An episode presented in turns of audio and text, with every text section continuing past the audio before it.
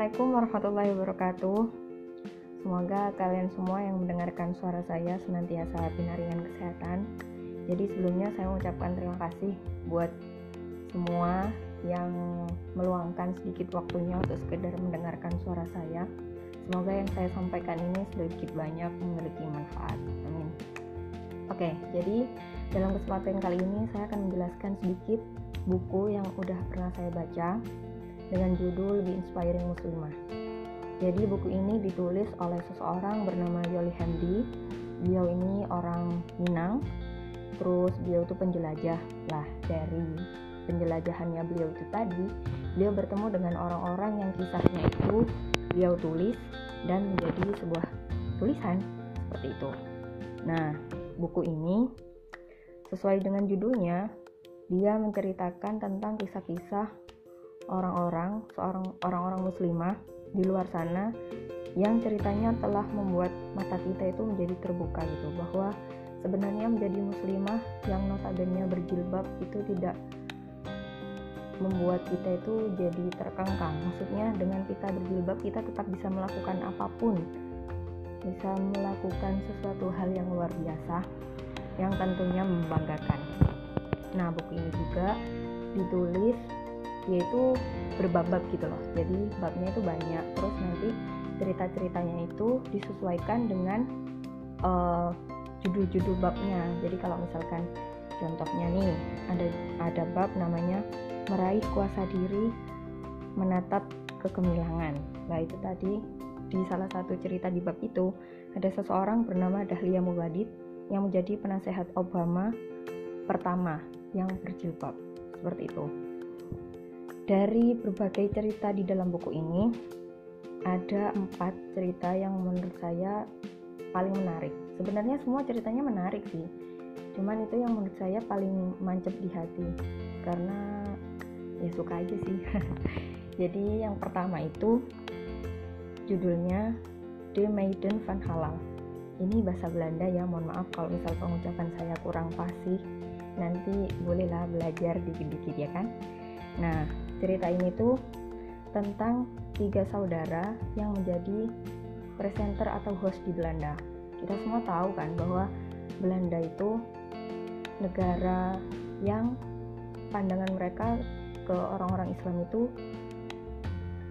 ya begitulah buruk lah istilahnya apalagi mereka itu keturunan Maroko jadi Maroko itu kan mereka itu orang-orang Maroko yang pindah ke Belanda atau yang pindah ke luar negeri itu mereka itu punya apa ya punya keluarga negaraan ganda gitu loh. Jadi meskipun mereka itu pindah di luar negeri itu tetap mereka itu diakui sebagai warga negaranya seperti itu. Lah salah satunya itu ya ini ketiga saudara ini. Namanya Asma usianya 20 ta 28 tahun terus Jihad usianya 24 tahun sama Hajir, usianya 23 tahun. Nah, mereka bertiga ini saudara salah satu-satunya saudara persaudaraan yang menjadi presenter dan sukses berat di Belanda waktu itu. Kita semua tahu kan, apalagi kasusnya di Indonesia banyak sekali artis-artis yang rela mundur dari dunia entertainment gara-gara mereka memilih untuk berjilbab. Terus juga tidak sedikit uh, apa namanya model-model di Indonesia yang mereka harus ditolak karena mereka menolak untuk melepaskan hijabnya. Nah, seperti itu kan miris gitu ya. Apalagi mereka itu mulai uh, acara di talk show itu di TV itu sejak tahun 2005. Jadi memang uh, awalnya itu cuma satu orang aja yang namanya Asma ini. Terus akhirnya karena uh, dia ngajak adik-adiknya itu terus juga acara mereka itu eh cara penyampaiannya mereka juga enak akhirnya diterima oleh banyak orang nah hebatnya lagi mereka bertiga ini meskipun Islam meskipun seorang muslimah mereka itu bisa masuk di berbagai hal apa pun yang dibahas gitu loh jadi mau bahas politik, sosial, ekonomi, mau bercanda, mau apa itu mereka masuk gitu loh.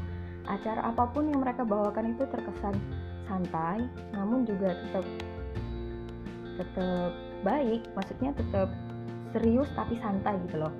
Dan mereka digandrungi oleh orang-orang yang pada akhirnya orang-orang Belanda itu akhirnya paham di daerahnya khususnya yang dulunya menganggap bahwa orang-orang Maroko, orang-orang Islam itu mereka itu monoton kegiatannya apalagi yang perempuan-perempuan itu cuma jadi cuma jadi penurut istrinya suami doang nggak bisa ke mana-mana. Di rumah doang wis nggak bisa ngapa-ngapain ngurusin anak anaknya banyak dan segala macam. Itu mereka patahkan bahwa kita sebagai muslimah juga bisa melakukan apa pun kita bisa berkarya apa pun tanpa kita melepaskan hidup kita. Seperti itu.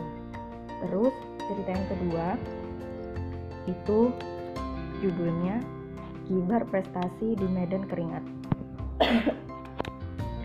Jadi ini cerita tentang seorang bernama Rukoya Al-Ghosara. Beliau ini adalah seorang atlet lari eh seorang atlet peraih medal emas lintas olahraga lari 12 meter yang ditempuh hanya dalam waktu 23,19 detik. Bayangkan, keren kan? Pastilah. Aku aja nggak suka lari kan. bercanda kayak jadi dia itu satu-satunya bukan satu-satunya sih. Ya yang pertama menjadi perempuan yang berjilbab yang mendapatkan uh, gelar itu. Dan kebetulan acara itu acara Asian Games yang dilaksanakan di Qatar. Terus juga hebatnya si Mbak Rukoya ini. Jadi beliau itu emang dari umur 15 tahun itu emang suka lari terus karena emang hobi dia lari waktu ada ajang perlombaan itu beliau melatih istilahnya ngepush dirinya sendiri itu sampai sampai 4, 4 tahun dia menyiapkan itu semua. Terus akhirnya mendapatkan itu. Dan kerennya dia waktu diwawancara itu jawabnya ini semua kesuksesan buat seluruh muslimah yang ada di dunia. Keren kan? Soalnya gini loh di dunia olahraga itu kan kita semua tahu bahwa banyak cabang-cabang olahraga yang menjadikan perempuan yang berhijab itu sedikit uh, terdiskriminasi lah istilahnya. Karena emang ruang ruangnya buat perempuan-perempuan berhijab di cabang olahraga itu emang sedikit. Karena ya itu banyak peraturan-peraturan yang emang istilahnya kalau menurut kita kayak nggak masuk akal gitu loh. Nggak boleh memakai aksesoris yang istilahnya nanti bilangnya kata-katanya di situ tuh mengganggu lawan main kita. Padahal kan kita melindungi melindungi tubuh kita kan biar ya udah gitu menutup diri kita. Sampai ada juga kan atlet Indonesia itu yang nggak bisa tanding di luar negeri gara-gara emang dia nggak mau ngelepasin hijabnya. Seperti itu. Padahal kan kita semua tahu lah kalau cabang olahraga itu salah satu ajang yang nggak hanya membanggakan dirinya sendiri tapi juga menjadi sesuatu yang hebat untuk negaranya. Seperti itu. Lah dari sini dia itu ngomong kalau eh dari kegiatannya si Mbak Rukoya ini karena ngomongnya dia yang seperti itu akhirnya salah satu daerah di Timur Tengah itu mengadakan lomba-lomba yang khusus perempuan. Jadi panitianya perempuan penontonnya perempuan terus yang uh, jadi atlet-atletnya juga perempuan. Lah yang kayak kayak gitu itu kan di negara kita sendiri tuh kurang ada support untuk itu gitu loh. Jadi ya kita doakan aja lah semoga ke depannya itu bisa. Karena emang atlet-atlet muslimah itu sebenarnya banyak. Cuman ya itu tadi karena nggak dapat uang jadi ya akhirnya mundur sebelum bertanding di lapangan. Seperti itu. Terus untuk cerita selanjutnya judulnya adalah sekolah menyesal. Ini menarik kenapa disebut sekolah menyesal? Karena uh, orangnya yang di orang angkatan angkatan murid angkatan pertama yang habis sekolah di sana itu mereka nyesel kenapa kok nggak belajar itu dari dulu? Kayak gitu. Ya iyalah namanya penyesalan itu kan di belakang. Kalau di depan mau gimana kan? Jadi sekolah ini didirikan oleh seseorang bernama Rahma El Yunusia sekolah ini ada dirintis tahun 1923 dan keren, kerennya sekolah menyesal ini ada di Indonesia. Jadi waktu itu ketika Belanda masih menguasai Indonesia, ada seorang perempuan bernama Mbak Rahma El Indonesia ini. Itu beliau berani untuk mendirikan sekolah. Nah, itu ada di Padang Panjang, Sumatera Barat. Awalnya gara-gara emang Mbak Rahma El Yunisian ini merasa bahwa hak untuk belajar itu tidak hanya dimiliki oleh laki-laki, tapi juga perempuan. Nah, oleh sebab itu, si mbaknya ini dengan dukungan suaminya pastinya itu mengajak orang-orang warganya untuk mendirikan sekolah. Jadi, mereka mengajak e, mem membangun sekolahnya itu, gedung sekolahnya itu dari e, sukarela, sukarela gitu loh. Apa sih kayak hmm, ya gotong royong lah. Jadi mereka itu ngambil batu-batu di sungai terus akhirnya dibangun dengan semen-semen seadanya. Terus akhirnya jadilah sebuah sekolah. Nah, sekolah kerennya di situ itu sekolahnya nggak hanya ngajarin belajar membaca sama menulis, tapi juga banyak-banyak ilmu kehidupan seperti menjahit, terus habis itu e, berkebun, terus habis itu e, ilmu rumah tangga dan lain-lain pernah juga waktu ada kejadian gempa mereka itu uh, apa namanya sekolahnya itu rubuh tapi itu nggak nggak menyulutkan niatnya si Mbak Rahma ini sih. Jadi Mbak Rahma sama murid-muridnya dan warganya tentunya juga itu membangun lagi dari awal kayak gitu. Lah karena emang waktu itu kan masih Indonesia masih dijajah Belanda kan istilahnya belum merdeka. Jadi ya pasti tekanan dari orang barat eh dari orang barat maaf ya dari orang Belanda sendiri tuh juga nggak nggak mudah gitu loh. Mereka juga semakin gencar untuk mencari siapa sebenarnya yang membangun sekolah ini dan segala macam. Sampai pernah si Mbak Rahma ini ditahan dimasukkan ke sebuah penjara lah kalau namanya sekarang itu. Terus habis itu uh, itu nyaris dibunuh. Tapi untungnya waktu itu karena emang udah masa-masa masuk kemerdekaan waktu pertama kali proklamasi diucapkan. Mbak Rahma ini satu-satunya orang yang berani mengibarkan bendera merah putih di sekolahnya. Seperti itu. Hingga waktu waktu itu ketika ada kunjungan dari uh, apa namanya? Dari Mesir. Jadi beliau itu rektorat rektor Universitas Al Azhar Mesir namanya Syekh Abdul Rahman Taj lah beliau ini mendatangi sekolah yang namanya sekolah menyesali tadi kan namanya Diniyah Putri ya. Terus beliau itu kayak terkesima gitu loh sama sekolah itu karena memang di situ itu si Mbak Rahma itu nggak hanya diakui di Indonesia aja di Nusantara aja tapi juga di internasional tuh istilahnya beliau itu punya nama gitu loh. Karena santri-santrinya yang mondok ke situ itu nggak hanya orang Indonesia aja tapi juga orang Singapura, orang Malaysia dan negara-negara sekitar yang ada di sebelah-sebelah negara kita gitu. Terus waktu si si Syekh Abdurrahman itu ke situ tuh heran maksudnya kok kagum gitu loh kok bisa ada sekolah sederhana yang sedemikian keren sistemnya sampai beliau dianugerahi oleh Universitas Al-Azhar mendapatkan gelar Syekho dan beliau juga uh, boleh menjadi dosen di sana. Nah, gara-gara si Mbak Rahma juga beliau itu terinspirasi. Al-Azhar itu terinspirasi dari kegiatan si Mbak Rahma yang mendirikan sekolah dengan sistem seperti itu sampai didirikan fakultas khusus keputrian di Al-Azhar. Lah berkat si Mbak Rahma itu sampai sekarang seluruh perempuan yang ada di dunia bisa menikmati sistem tentang keperempuanan yang ada di Al-Azhar. Ya keren kan? Seperti itu. Terus untuk uh, yang terakhir gak banyak-banyak ya karena ini waktunya juga gak enak kalau panjang-panjang ya kan? Untuk yang terakhir itu tentang seorang janda namanya Nujot Ali. Jadi dia itu sampai dinobatkan di tahun 2008 itu dinobatkan menjadi janda termuda di dunia. Karena waktu itu usianya baru 10 tahun jadi ceritanya emang di daerah pelosok Yaman itu daerahnya memang ya istilahnya kayak kumuh gitu lah. Banyak pengangguran banyak yang uh, kemiskinan itu masih tinggi dan segala macem. Itu dia itu tinggal di situ si Nujot Ali itu. Lah bapaknya itu dia itu kan 11 bersaudara toh. Lah si bapaknya itu dia pengangguran jadi hidupnya itu cuma makan daun hot itu kayak daun ganja gitu terus habis itu kongko-kongko di jalan. Kalau nggak gitu ya dihabiskan waktunya tidur-tiduran di rumah. Lah kayak gitu tuh dia nikah lagi jadi nggak sih? Ya udah nikah lagi ibunya. Cuman untungnya oh bapaknya maksudnya mohon maaf. Untungnya itu bapak tiri eh ibu tirinya itu baik.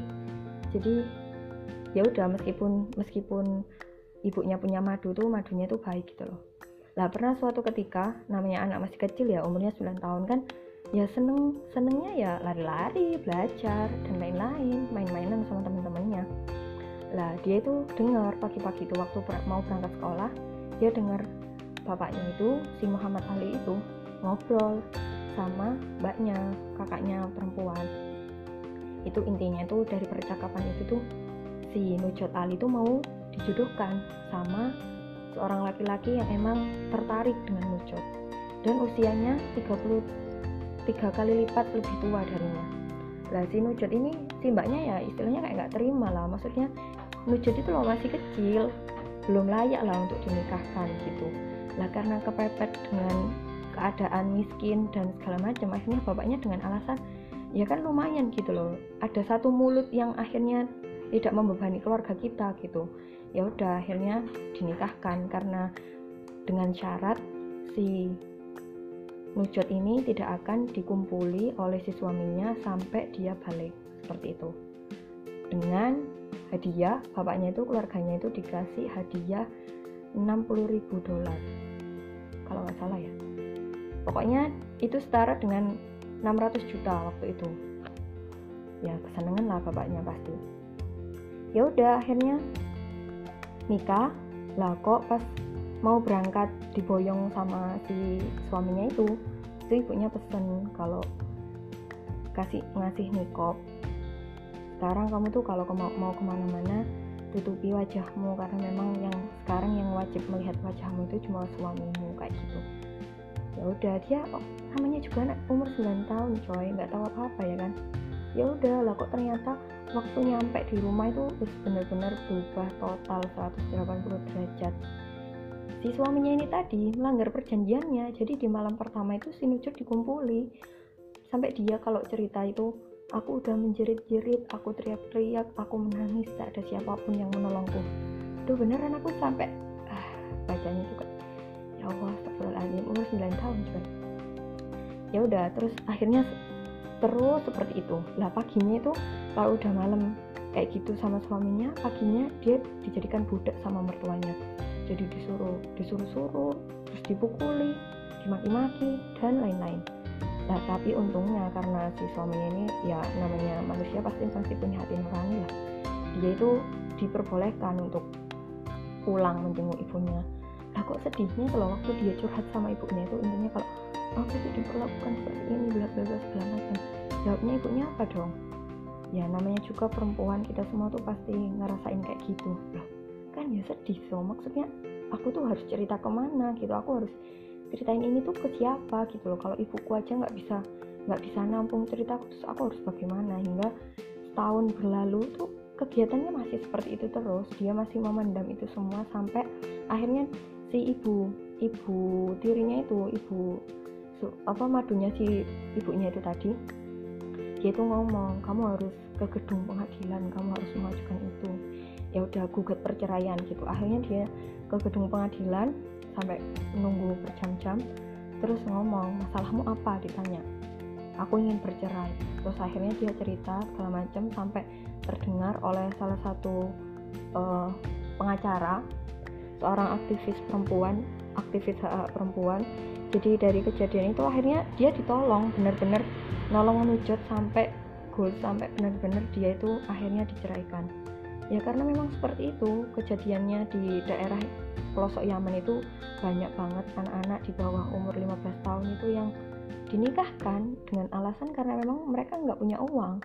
Tapi kok sedihnya nggak punya uang tapi anaknya banyak gitu loh. Mbok ya nggak punya uang tuh jangan aneh-aneh gitu ya kan. Dan alhamdulillahnya karena karena kejadiannya Nujat itu akhirnya pemerintah Yaman mengubah undang-undang tentang pernikahan jadi perempuan yang boleh dinikahkan itu di atas usia 17 tahun. Seperti itu. Ya keren gitu loh anak kecil berani kayak gitu ya kan. Meskipun meskipun dia istilahnya masih belia kan umurnya tapi punya keberanian. Jadi dari buku ini ya ya banyak sih ceritanya yang keren-keren sebenarnya dan aku nggak bisa ceritain banyak secara mendetail gitu dan mohon maaf juga kalau emang bahasaku berantakan terus juga banyak bercandanya atau nggak enak didengar nggak apa-apa lah. Terima kasih yang udah mendengarkan sampai akhir. Jadi kesimpulannya ya ya gitulah. Kita sebagai seorang muslim itu harus bangga karena kita terlahir sebagai seorang muslim meskipun kita itu berjilbab. Itu nggak nggak menjadi penghalang apa pun. Kita bisa melakukan sesuatu yang hebat kita bisa melakukan sesuatu yang orang tuh nggak tahu dan itu membanggakan. Orang tuh nggak bakal nyangka kalau kita itu wah dia seorang muslimah bisa kayak gitu. Karena biar mata dunia itu bisa terbuka gitu loh bahwa menjadi seorang Islam itu bukan sesuatu yang buruk. Islam itu rahmatil alamin. Jadi seperti itu. Kurang lebihnya mohon maaf. Terima kasih atas waktunya. Salam kasih dari saya Arya Mahalisa Assalamualaikum warahmatullahi wabarakatuh